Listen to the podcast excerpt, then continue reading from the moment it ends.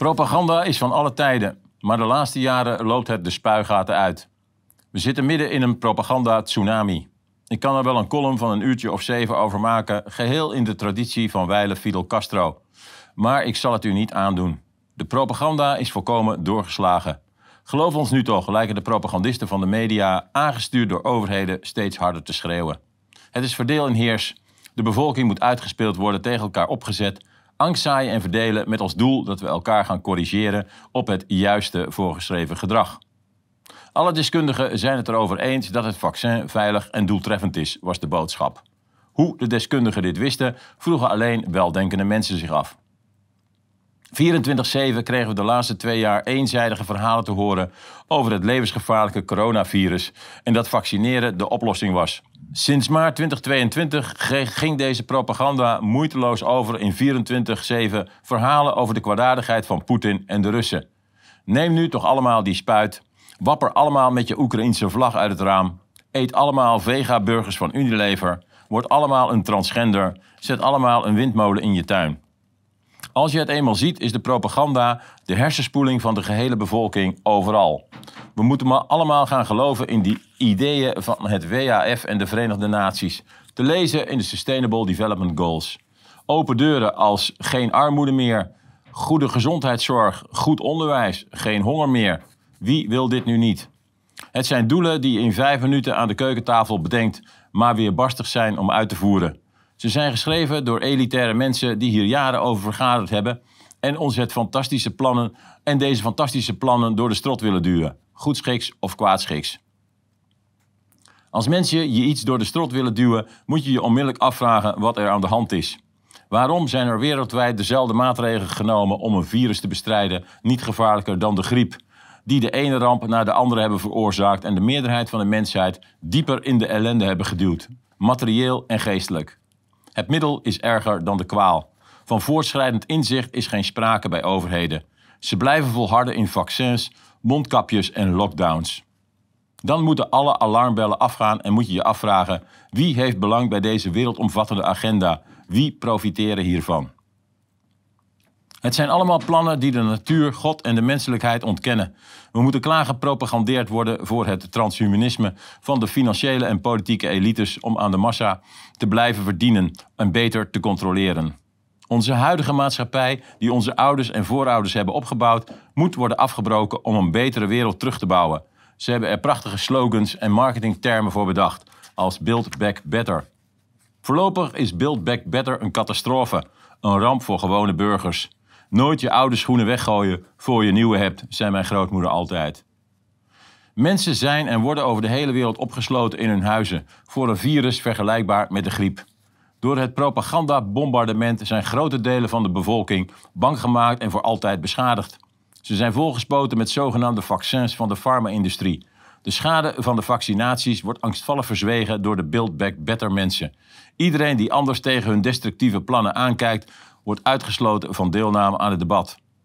Onze jeugd is getraumatiseerd. De psychische gevolgen van schoolsluitingen, vaccinaties, mondskapjes en isolatie worden langzaam duidelijk. Het midden- en kleinbedrijf wordt kapot gemaakt. Build Back Better is vooral goed voor de mensen die vrijwel alles al bezitten. De supermiljardairs zijn er beter van geworden. De grote farma- en techbedrijven, de grote banken en investeringsmaatschappijen.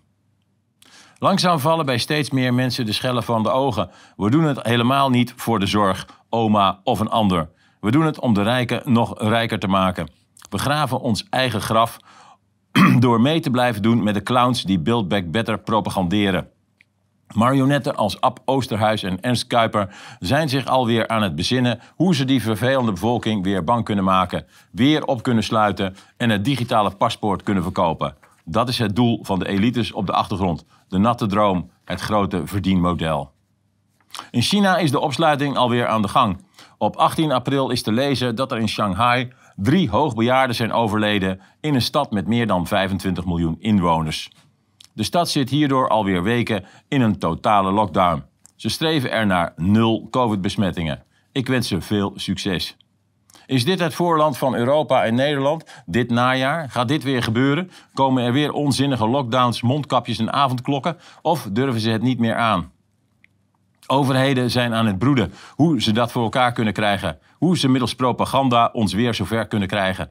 We zijn nog niet af van de duistere krachten met hun onbegrensde financiële middelen. Ze duwen door, ze moeten wel. Ze kunnen niet meer terug. Ze hebben bloed aan hun handen, middels de schade die door de vaccins is en in toenemende mate wordt veroorzaakt. In dit kader is een kleine anekdote op zijn plaats. Ik revalideer van mijn longembolie en covid. Het gaat goed. Mijn longen zien er op de foto alweer goed uit. Ik ben weer in staat om bijna alles te doen, net als voorheen. Ik ben niet gevaccineerd. Ik heb mijn instinct en boerenverstand gevolgd. Een van mijn fysiotherapeuten vertelde mij vorige week het volgende verhaal. Een man van mijn leeftijd, met ook een ernstige covid-besmetting, wel gevaccineerd, was net als ik heel snel hersteld. Eigenlijk was hij weer de oude. Twee weken geleden nam hij zijn boostershot, werd ziek, vlekken op de longen, helemaal terug bij af. Deze verhalen moeten de bevolking natuurlijk verteld worden. Dit moet grondig onderzocht worden. Is er een verband met de spuit? Onder normale omstandigheden zou het boosteren natuurlijk onmiddellijk gestopt worden. Maar stil, niets over zeggen. We zijn immers op weg naar een inclusieve, ideale samenleving. Het is absurd, grotesk, megalomaan. De mensen die dit allemaal bedacht hebben, zijn het contact met de echte mensenwereld kwijtgeraakt. Mensen met veel te veel geld kunnen absurde ideeën hebben. Het gevaar is dat ze zich ook geroepen voelen om die ook echt, echt te gaan verwezenlijken. Daar zijn we nu terechtgekomen. In dit geval moet ik altijd denken aan mijn oom Wim, de broer van mijn vader. Samen begonnen ze een bedrijf in de jaren 50. Mijn vader stapte eruit. Oom Wim maakte het bedrijf groot, dat moet gezegd worden. Hij werd rijk, maar zijn ideeën en gedrag werd steeds absurder. Tot de dag dat mijn moeder hem de deur uitzette. Zo is het natuurlijk ook in het groot. Mensen met duizelingwekkende rijkdom die absurde plannen bedenken en ook gaan uitvoeren. Iedereen om hen heen knikt en buigt, vaak afhankelijk van hun geld. Daarom moeten er meer mensen als mijn moeder komen die de arrogantie, de macht en de gekte van het grote geld stoppen en de deur uitzetten.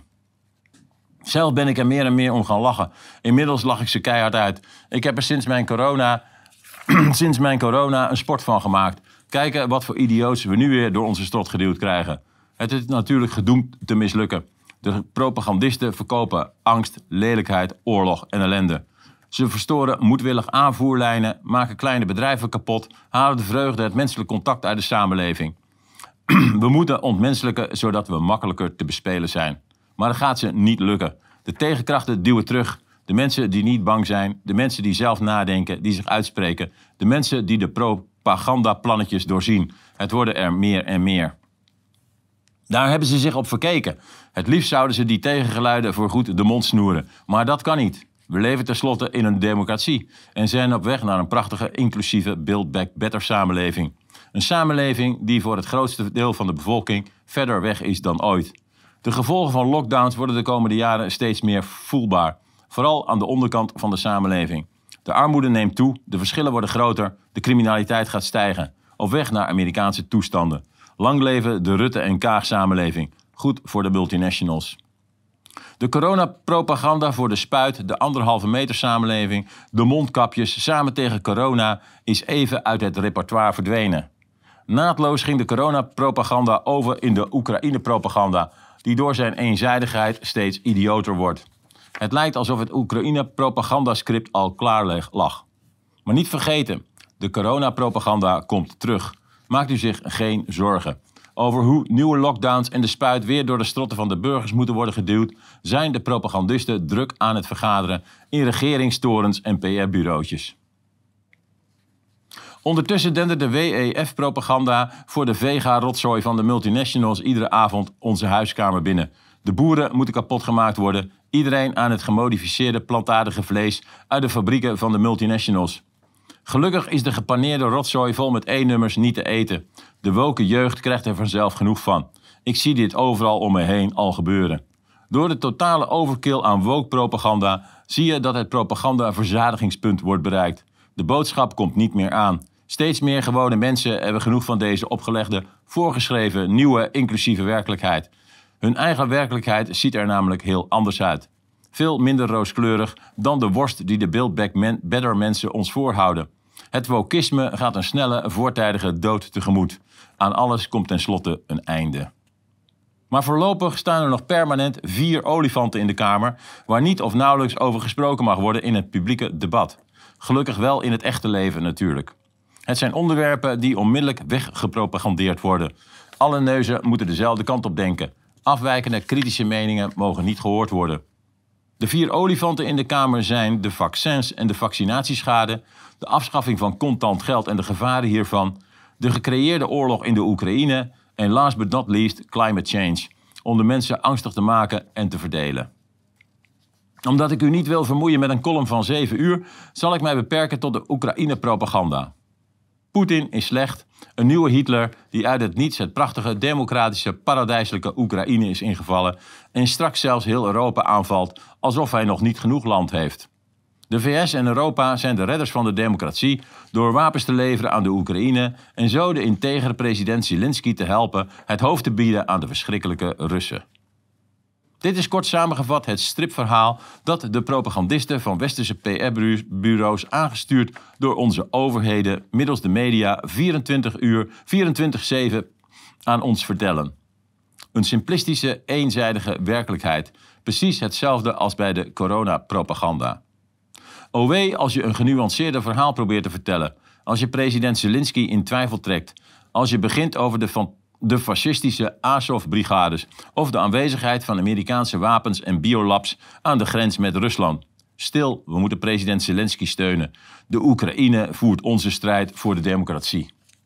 Zelensky, een B-acteur, een marionet van Amerika, van real-life soap-acteur naar president. Misschien kunnen we dat in Nederland ook eens proberen. Andy van der Meijden of Peter Gillis voor president.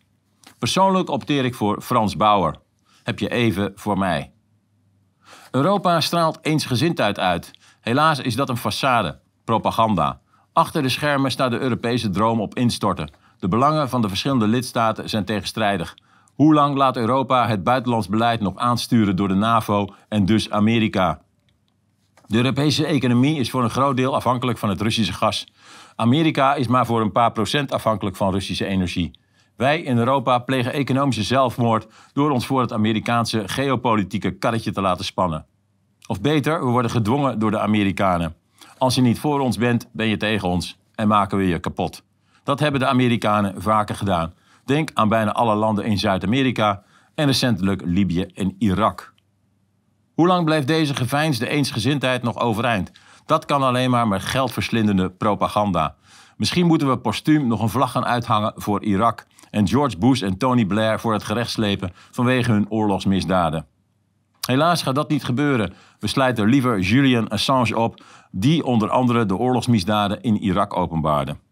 Het Westen doet een Pontus Pilatusje. Het was de handen in onschuld. Het brengt immers geheel gratis de democratie. Begin april is de Duitse ex-minister van Defensie, de huidige voorzitter van de Europese Commissie, Ursula von der Leyen, vooruitgestuurd naar Kiev door de propagandamachines. In haar kekke mantelpakje zien we haar de hand schudden van president Zelensky. Zijn toespraken in alle Europese parlementen waren kennelijk nog niet genoeg. Ursula wilde hem hoogstpersoonlijk een hart onder de riem steken. Ze overhandigde hem een enveloppe met daarin een vragenlijst. Het moet een versnelde toetreding tot de EU mogelijk maken. Ursula schatte begin april in dat een EU-lidmaatschap van de Oekraïne binnen een paar weken geregeld zou kunnen zijn. De vraag is natuurlijk waarom Ursula dit mandaat krijgt wat wordt hier bekokstoofd? Hier is natuurlijk over vergaderd door de top van de EU, de NAVO en de Amerikanen. Welk propagandaspelletje wordt hier gespeeld? Of is het om meer wapens te leveren aan de Oekraïne en de NAVO? Amerika is verreweg de grootste wapendealer ter wereld. Het is natuurlijk uitgesloten wat Ursula belooft. Rusland duldt geen zware NATO-wapens in zijn achtertuin.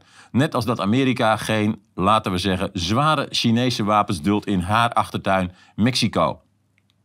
De enige oplossing is de onderhandelingstafel. Maar dat wordt tot nu toe resoluut afgewezen door de NATO of beter de VS.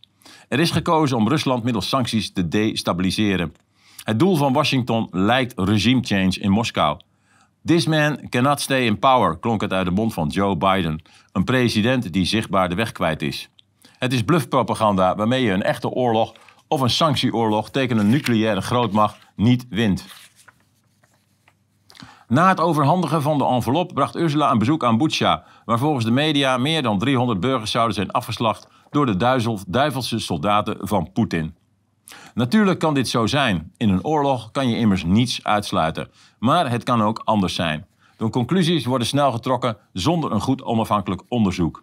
Het beeld is al neergezet. De Russen zijn schoften. De Oekraïners strijden voor een nobele, zuivere oorlog. Zelensky moet de Nobelprijs voor de Vrede krijgen. Oekraïne moet het Songfestival winnen. De propaganda dendert door. Als beeldprofessor heb ik naar de beelden en het bezoek van Ursula aan Butsja gekeken.